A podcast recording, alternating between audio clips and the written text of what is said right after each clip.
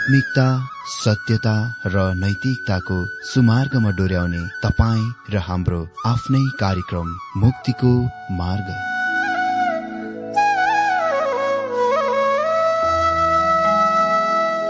आदरणीय श्रोता यस मुक्तिको मार्ग कार्यक्रममा हार्दिक स्वागत छ। आशा छ यस आत्मिक कार्यक्रमद्वारा जीवनमा आत्मिक आशिष अलौकिक शान्ति र आनन्द प्राप्त गर्नुहुनेछ। र जीवनमा धन्य अनुभव गर्नुहुनेछ। आउनुहोस् श्रोता। मन र आत्माको तयारीको लागि यो मिठो अनि मधुर भजन गीत सुनौ।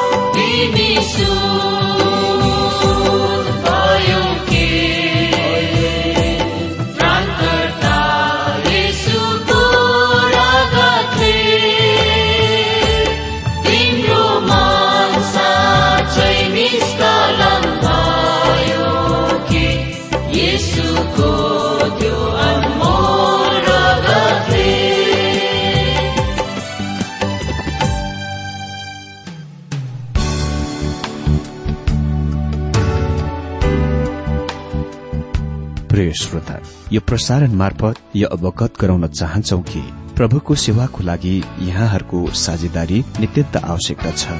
यहाँहरूले प्रार्थनाको साथसाथै आर्थिक सहायता गर्न अनुरोध गर्दछौ। तपाईँहरूको सानो भन्दा सानो भेटी किन नहोस्? हामी प्रभुको नाममा स्वीकार गर्नेछौ प्रभुको सेवाको लागि। तपाईँहरूको यो सानो लगानीले कसैको जीवनमा भिन्नता ल्याउँछ? अनि प्रभुको महिमा हुन्छ।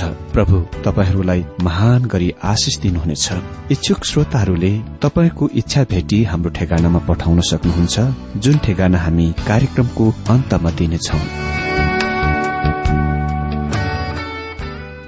प्रिय श्रोता मित्र प्रभु येशु ख्रिस्टको मधुर अनि सामर्थ्य नाममा मेरो जयमसी साथै हार्दिक स्वागत छ आजको यो बाइबल अध्ययन कार्यक्रममा।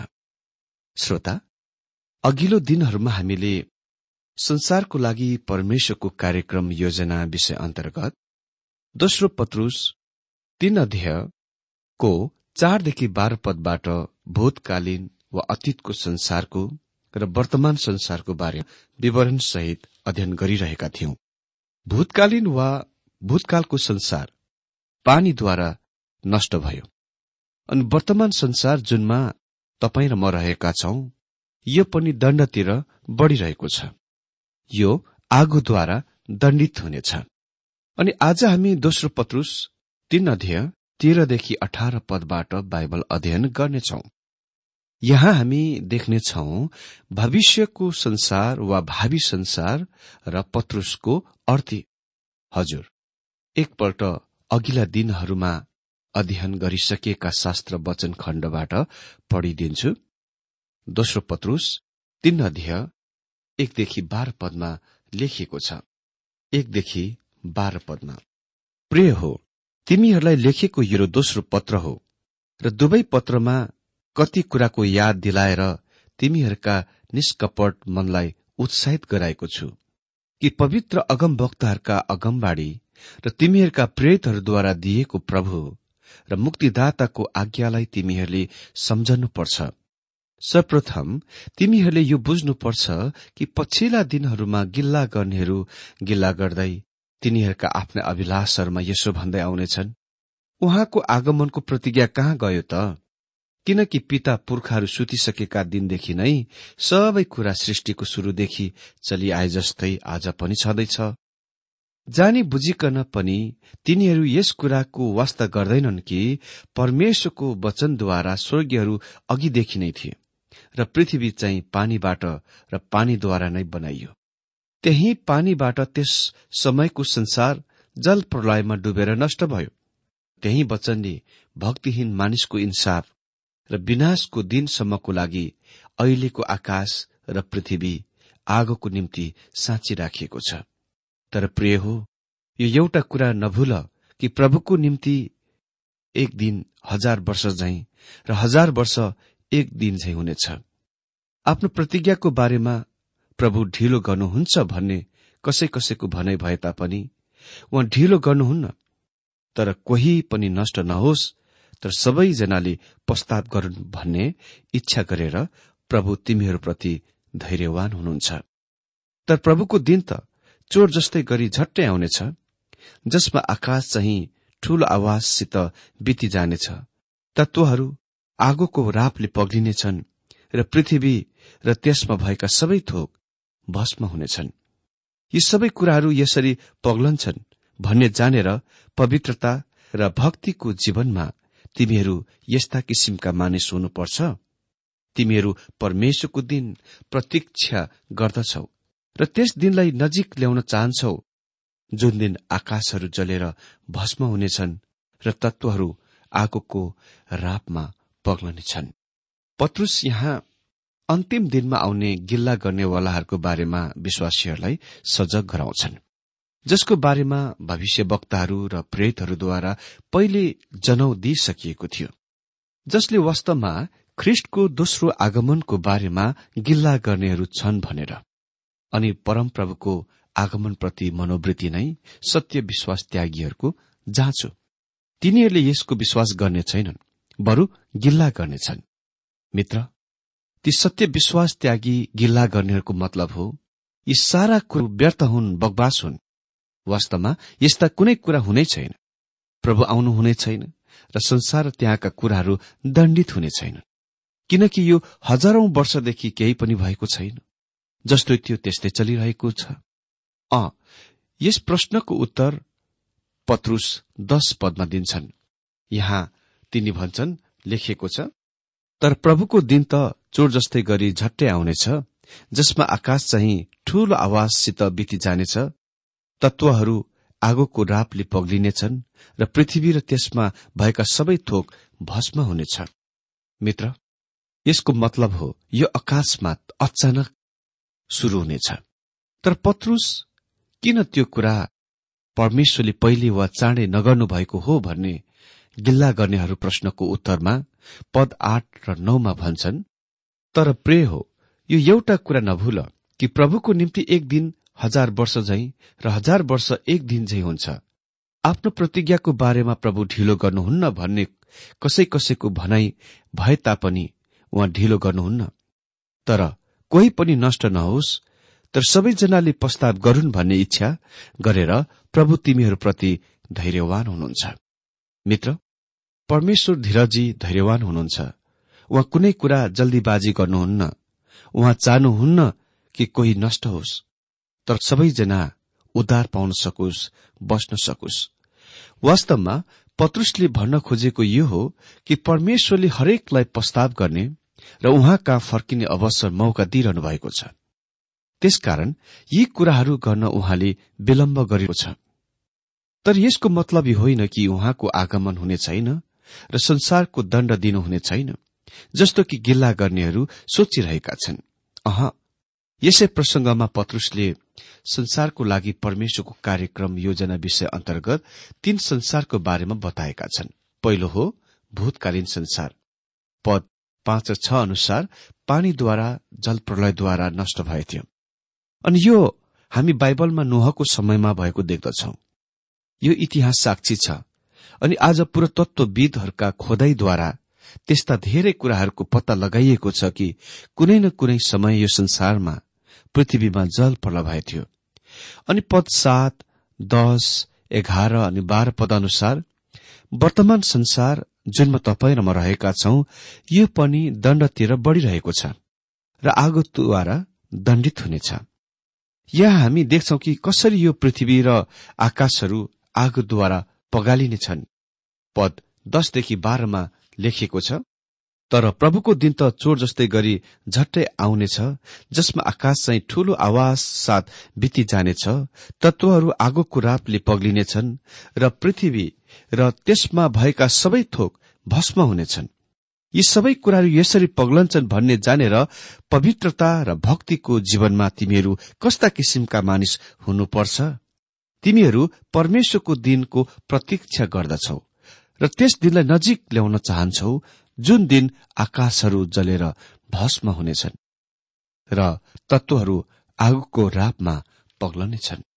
तर प्रभुको दिन चाहिँ राति चोर आएझै आउनेछ। हजुर। यसको सम्बन्धमा त्यहाँ कोही कोही बहस वा तर्क छ? यसले पृथ्वीमा आफ्नो राज्यको स्थापन गर्न ख्रिष्टको आगमनमा स्थान लिनेछ या हजार वर्षीय मसिहको राज्यको अन्तमा स्थान लिनेछ? म यस कुरामा पूर्ण विश्वस्त छु कि प्रभुको वा परमप्रभुको दिन चाहिँ समयको विस्तृत अवधि हो जुन क्लेशसँग आरम्भ हुन्छ र यो ख्रिष्टको हजार वर्षीय राज्य शासनकाल हुँदै शैतानद्वारा संक्षिप्त विद्रोह र महान श्वेत सिंहासनको दण्डको दिनसम्म फैलिन्दछ विस्तृत हुँदछ। त्यसपछि हामी प्रकाशको पुस्तकमा पाउँदछौ नयाँ आकाशहरू र नयाँ पृथ्वी दृश्यमा आएको। परमप्रभुको दिन यसले दण्डको पनि सामेल गर्दछ वा परमप्रभुको दिनमा दण्ड पनि पर्दछ। शास्त्रमा परमप्रभुको दिन अति नै प्रसिद्ध कथन हो। भविष्य वक्ताहरूले यसको प्रयोग गरे। प्रभु येशुले पनि प्रयोग गर्नु अनि धेरै नयाँ नियम लेखकहरूले यसको प्रयोग गरे। यो पराभाषिक कथन हो। यो परमप्रभुको दिन अन्धकारमा आरम्भ हुन्छ जुन पुरानो नियम भविष्य वक्ताले भनेथे त्यो क्लेशसँग आरम्भ हुनेछ। र यो पृथ्वीको महान दण्ड अर्थात आगोद्वारा यसको विनाश हुने कुरासँग अन्त हुनेछ। यो यस तरिकामा आरम्भ हुनेछ। सर्वप्रथममा यो क्लेशको सात वर्ष अवधिदेखि आरम्भ हुनेछ अनि पृथ्वीमा आफ्नो राज्यको स्थापित गर्न ख्रिस्टको आगमन हुनेछ। त्यहाँ ख्रिस्टको हजार वर्षीय राज्य हुनेछ। शैतानलाई त्यसबेला हजार वर्षको लागि कैद गरिनेछ। र केही समय शैतानलाई छोडिनेछ अनि शैतान र त्यसलाई सात दिनेहरूको संक्षिप्त विद्रोह हुनेछ र शैतानको अन्तिम कैद हुनेछ। पापैमा गुमेका निन्दित मानिसहरूका श्वेत सिंहासनको न्याय हुनेछ। तब परमेश्वरद्वारा पृथ्वी र आकाशहरू दण्डित हुनेछन् जुन पत्रुसले यहाँ वर्णन गरिरहेका छन्। त्यसपछि नयाँ आकाश र पृथ्वी नयाँ पृथ्वी दृश्यमा आउनेछ। अहिले हामी सबभन्दा पहिले त्यो भावी संसारको बारेमा देख्नेछौ। पत्रुस त्यस संसारतिर आउनेछन् जुन भविष्यमा हुनेछ। हजुर पृथ्वी पग्लेर जानेछ। अ यो कथनको मतलब यो होइन कि परमेश्वरले यो पृथ्वीलाई पूर्ण रूपमा त्याग्नुभयो र सर्वनाश गर्नुभएको छ। अह जसरी पृथ्वी भूतकालमा वा अतीतमा दण्डित भएथ्यो यसको भविष्यमा पनि दण्डित गरिनेछ। तर पृथ्वी चाहिँ निरन्तर जारी रहनेछ। तेह्र पदमा लेखिएको छ तर उहाँको प्रतिज्ञा बमोजिम हामी नयाँ स्वर्गीय र नयाँ पृथ्वीको बाटो हेर्छौ जसमा धार्मिकताले बास गर्छ। आज यो पृथ्वीमा धार्मिकताले बास गर्दैन। यो पृथ्वीको कुनै घरमा कुनै कार्यालयमा धार्मिकता छैन। यो कहीँ पनि छैन। संसारका कुनै पनि राष्ट्र वा राजधानी वा सहर वा गाउँमा यो छैन। तर धार्मिकता नयाँ संसारमा र नयाँ स्वर्गीयहरूमा बास गर्नेछ। म यस कुरामा अति नै धेरै खुसी छु कि त्यहाँ अर्को संसार छ जुन नयाँ स्वर्गीयहरू र नयाँ पृथ्वी हो जुन आइरहेको छ। यो अद्भुत संसार हुन गइरहेको छ। म सधैँ मेरो पुरानो साइकललाई बेचेर अर्को नयाँ मोडल नयाँ ढाँचाको साइकल किन्नमा आनन्द गर्दछु। परमेश्वरसँग नयाँ प्रकारको पृथ्वी नयाँ मोडल नयाँ ढाँचाको पृथ्वी छ जुन आइरहेको छ। किनभने यो धार्मिकताद्वारा चरित्र चित्रण गरिएको छ अनि यो नै पृथ्वीमा धार्मिकताले बास गर्नेछ। त्यसपछि हामी निम्न पदहरूमा देख्छौ विश्वासीहरूलाई दृष्टको अर्थी। चौध पदमा भनिएको छ यसकारण प्रिय हो तिमीहरू यी कुराको प्रतीक्षा गर्नेहरू भएका हुनाले उहाँको दृष्टिमा तिमीहरू दाग वा खोट नभएकाहरू र शान्तिमा बस्नेहरू हुन प्रयत्न गर। यसकारण प्रियहरू हो जब यी कुराको बाटो हेर्दछौ मतलब जब कि हामी जान्दछौ कि पृथ्वी र त्यसका सबै कामहरू आगोले जल्ने भएकोले हामी महसुस गरौं थाहा गरौं कि भक्तिको जीवन यहाँ र पछिबाट जीवन कति महत्वपूर्ण छ। हामीले यहाँ पवित्र जीवन जिउनुपर्छ। त्यस्तो जीवन परमेश्वरको निम्ति अलगाएको जीवन। मित्र त्यसो त यो पृथ्वीमा आज वास्तवमा कुन कुरा उचित छ? तपाईँका लक्ष्यहरू के हुन्? के तपाईँ उचित लक्ष्यप्रति बढ़िरहनु भएको फलवन्त ख्रिस्टियन हुनुहुन्छ? कसैले भन्ला म मेरो परिवारहरूलाई उठाउन चाहन्छु माथि उठाउन चाहन्छु। अ खड़ा गर्न चाहन्छु। यो उचित कुरा हो। कसैले हो भन्ला म मेरो परिवारको लागि असल जीवन यापन गर्न चाहन्छु र मेरो बच्चाहरूलाई असल शिक्षा दिन चाहन्छु। त्यो उचित कुरा हो। यद्यपि यी कुराहरू उचित भए पनि तपाईँको जीवनको वास्तविक लक्ष्य के हो? के यो परमेश्वरको लागि जिउनु हो? यदि तपाईँ परमेश्वरको लागि जिउनुहुन्छ भने यी सबै दोस्रो दर्जाका कुराहरू म विश्वास गर्दछु आपसी आप सम्हालिनेछन् पद पन्ध्रमा भनिएको छ हाम्रा प्रभुको धैर्यलाई मुक्ति झै ठान हाम्रो प्रिय भाइ पाओले पनि उनलाई दिएको बुद्धि अनुसार तिमीहरूलाई यही कुरा लेख। हाम्रा प्रभुको धीरज चाहिँ यसको मतलब दण्डमा उहाँको आगमनको विलम्ब गर्ने काममा उहाँको धीरजले मानिसहरूको लागि उद्धार पाउन मौका र अवसर दिइरहेको छ। अनि यो नयाँ नियमको सन्देश हो। र पत्रुसले हामीलाई याद दिलाउँछन् कि पाउले पनि यसको बारेमा लेखे। सोह्र उनका सबै पत्रहरूमा पनि उनले यी कुराहरूको उल्लेख गरेका छन्। तिनमा कुनै कुनै कुराहरू बुझ्न कठिन छन् र अशिक्षित र चञ्चल मानिसहरूले यी कुराहरूलाई अरू धर्मशास्त्रहरूलाई जस्तै उल्टा पाल्टा पार्छन् र आफ्नै विनाश ल्याउँछन्। पत्रुस भन्छन् पाओले पवित्र शास्त्र लेखे। अनि उसले भन्छन् पाओले सत्यताको गहिराईमा लेखे। अनि उसले निश्चय नै त्यही तरिकामा लेखे। अनि मेरो विचारमा पत्रुसले पनि यो पत्रमा अति नै असल गरे। उसले पनि कम अकठिन कुरा लेखेका थिएनन्। अनि सत्र पद। यसकारण प्रिय हो अघिबाटहरू जानेर होसियार हो दुष्ट मानिसहरूको भूल कुरामा अल्मलिएर आफ्नो स्थिरता नगुमाओ। मित्र त्यहाँ केही त्यस्ता कुराहरू छन्। जुनको हामीले जान्नु पर्दछ। ओ परमेश्वरको वचनको अध्ययन गर्ने काममा अल्से क्रिस्चियन विश्वासी नहुनुहोस्। त्यहाँ कुनै सानोतिनो कोर्स पाठ्य सूची छैन जुनको तपाईँ एक हप्तामा नै लिन सक्नुहुन्छ। त्यहाँ कुनै सानोतिनो कार्यक्रम छैन जुनमा भएर तपाईँ जान सक्नुहुन्छ र त्यसले तपाईँको जीवनमा आमूल परिवर्तन र क्रान्ति ल्याउनेछ। अह तपाईँको जीवनको बदल्ने त्यस्तो कुनै कुरा छैन। त्यस्तो सर्टकटका कुराहरू। कुनै छोटो मिठो बाटो छैन। हामीले सम्पूर्ण परमेश्वरको वचनहरूको अति नै गम्भीरता तरिकामा अध्ययन गर्नुपर्छ। खालि हामीलाई मन पर्दो केही पदहरू वा केही अधिहरूको मात्र अध्ययन गर्ने वा पढ्ने होइन। पत्रुस भन्छन् सत्र पदमा यसकारण प्रिय हो अघिबाटै यी कुरा जानेर होसियार हो। दुष्ट मानिसहरूको कुरा जानेर होसियार हो। दुष्ट मानिसहरूको भूल कुरामा अल्मलिएर आफ्नो स्थिरता नगुमाऊ। मेरो मित्र यदि तपाईँसँग शास्त्रको विस्तृत ज्ञान छ र यसलाई आफ्नो जीवनमा लागू गर्नुहुन्छ भने तपाईँ स्थिर विश्वासी क्रिस्चियन हुनुहुन्छ। जबकि हामीले यो पत्रको आरम्भमा देखिसकेका छौं पत्रुसको विशिष्ट शब्द हो ज्ञान वा पहिचान। उसको सम्पूर्ण पत्रको संक्षेप संग्रह यो अन्तिम पदको आज्ञामा व्यक्त गरिएको छ।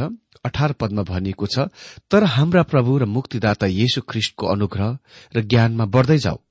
उहाँलाई अहिले र सदा सर्वदा महिमा होस्। आमेन। तर हाम्रा प्रभु र मुक्तिदाता येशु ख्रिष्टको अनुग्रह र पहिचान वा ज्ञानमा बढ़दै जाऊ। अनुग्रह पाउनलाई हामीसँग ख्रिष्टको ज्ञान हुनुपर्छ अर्थात हामीले ख्रिस्टलाई चिन्नुपर्छ। इसाई धर्म चाहिँ रमाउने र सुखको भावनाहरू पाउने बाटो मात्र होइन। इसाई धर्म चाहिँ ख्रिस्टको पछि लाग्ने बाटो हो। ख्रिस्ट आफै नै हाम्रो बाटो हुनुहुन्छ। विश्वासी ख्रिस्टियन हुनु भनेको ख्रिस्टलाई व्यक्तिगत रीतिले चिन्नु र उहाँको शिक्षा मान्नु नै हो। यसो गर्छौं भने हामी अवश्य अनुग्रहमा बढ़दै जानेछौ। यो नै ख्रिस्टियन जीवन यापनको जीवनको रहस्य हो। यो कुराको ध्यान दिनुहोस् कि पत्रुसले उहाँको नामको प्रयोग गर्छन्। हाम्रा प्रभु र मुक्तिदाता येशु ख्रिष्ट। ओ प्रभु येशु यस वृद्ध मछुवारा माछा पक्रने व्यक्तिको निम्ति कति धेरै बहुमूल्य बन्नुभएको थियो। जे नेवर्डले भनेथे उसले उहाँको आज्ञा पालन गरे उसले उहाँलाई उद्धारकर्ताको रूपमा प्रेम गरे उसले उहाँभन्दा महान मानव येशुको रूपमा श्रद्धा गरे र उसले महान सामर्थ्य परमेश्वरको पुत्र ख्रिष्टको रूपमा आराधना गरे। पत्रुसले आफ्नो विजय गीतको यो स्तुति प्रशंसाको स्रोतसँग अन्त गर्दछ। उहाँलाई अहिले पनि र सदा सर्वदा महिमा होस्। आमेन। ओ मित्र हामीले येशु ख्रिष्टलाई थाहा पाउन सके। जब हामी उहाँसँग समय बिताउँछौ हामी उहाँको ज्ञानमा बढ्न सक्छौं।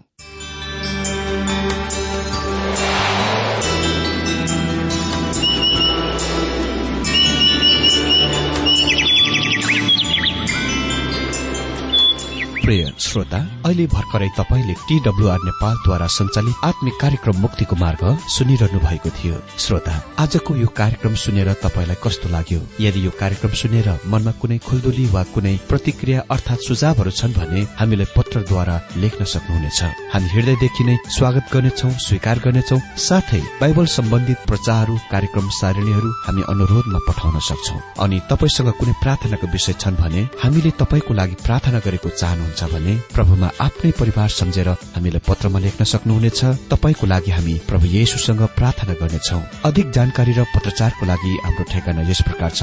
कार्यक्रम मुक्तिको मार्ग जीपीओ नम्बर उनानब्बे पचहत्तर इपिसी पच्चिस एकसठी काठमाडौँ। ठेगाना एकपल्ट सुन्नुहोला। कार्यक्रम मुक्तिको मार्ग जीपीओ नम्बर उनानब्बे पचहत्तर इपिसी पच्चिस एकसठी काठमाडौँ। हाम्रो इमेल एड्रेस हो T W R Nepal at dot com. साथै यस नम्बरमा एसएमएस गर्न सक्नुहुनेछ अन्ठानब्बे चार सत्तरी पैतिस छ सय उनासी नौ आठ चार सात जिरो तीन पाँच छ सात नौ। हुन्छ श्रोता आजलाई हामी बिदा चाहन्छौ।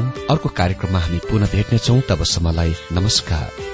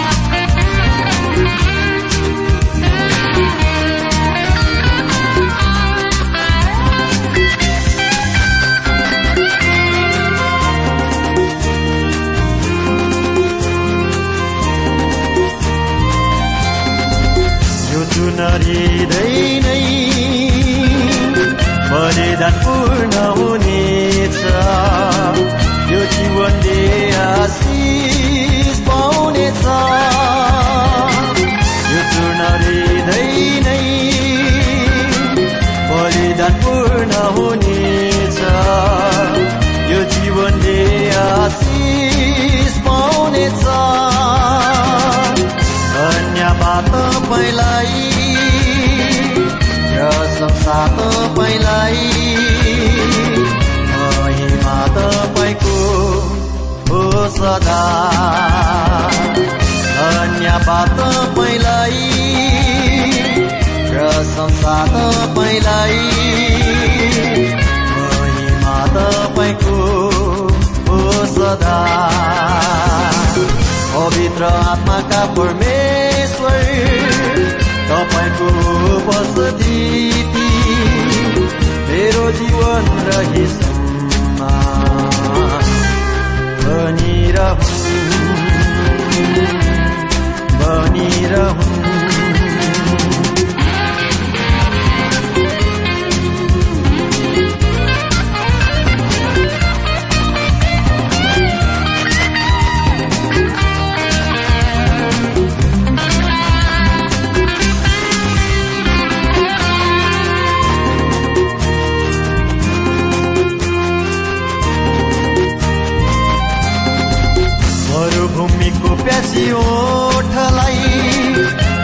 बनाउनु हुनेछ। कृषि जीवनमा जीवन जल पिउनेछु मरुभूमिको प्यासी ओठलाई हित बनाउनु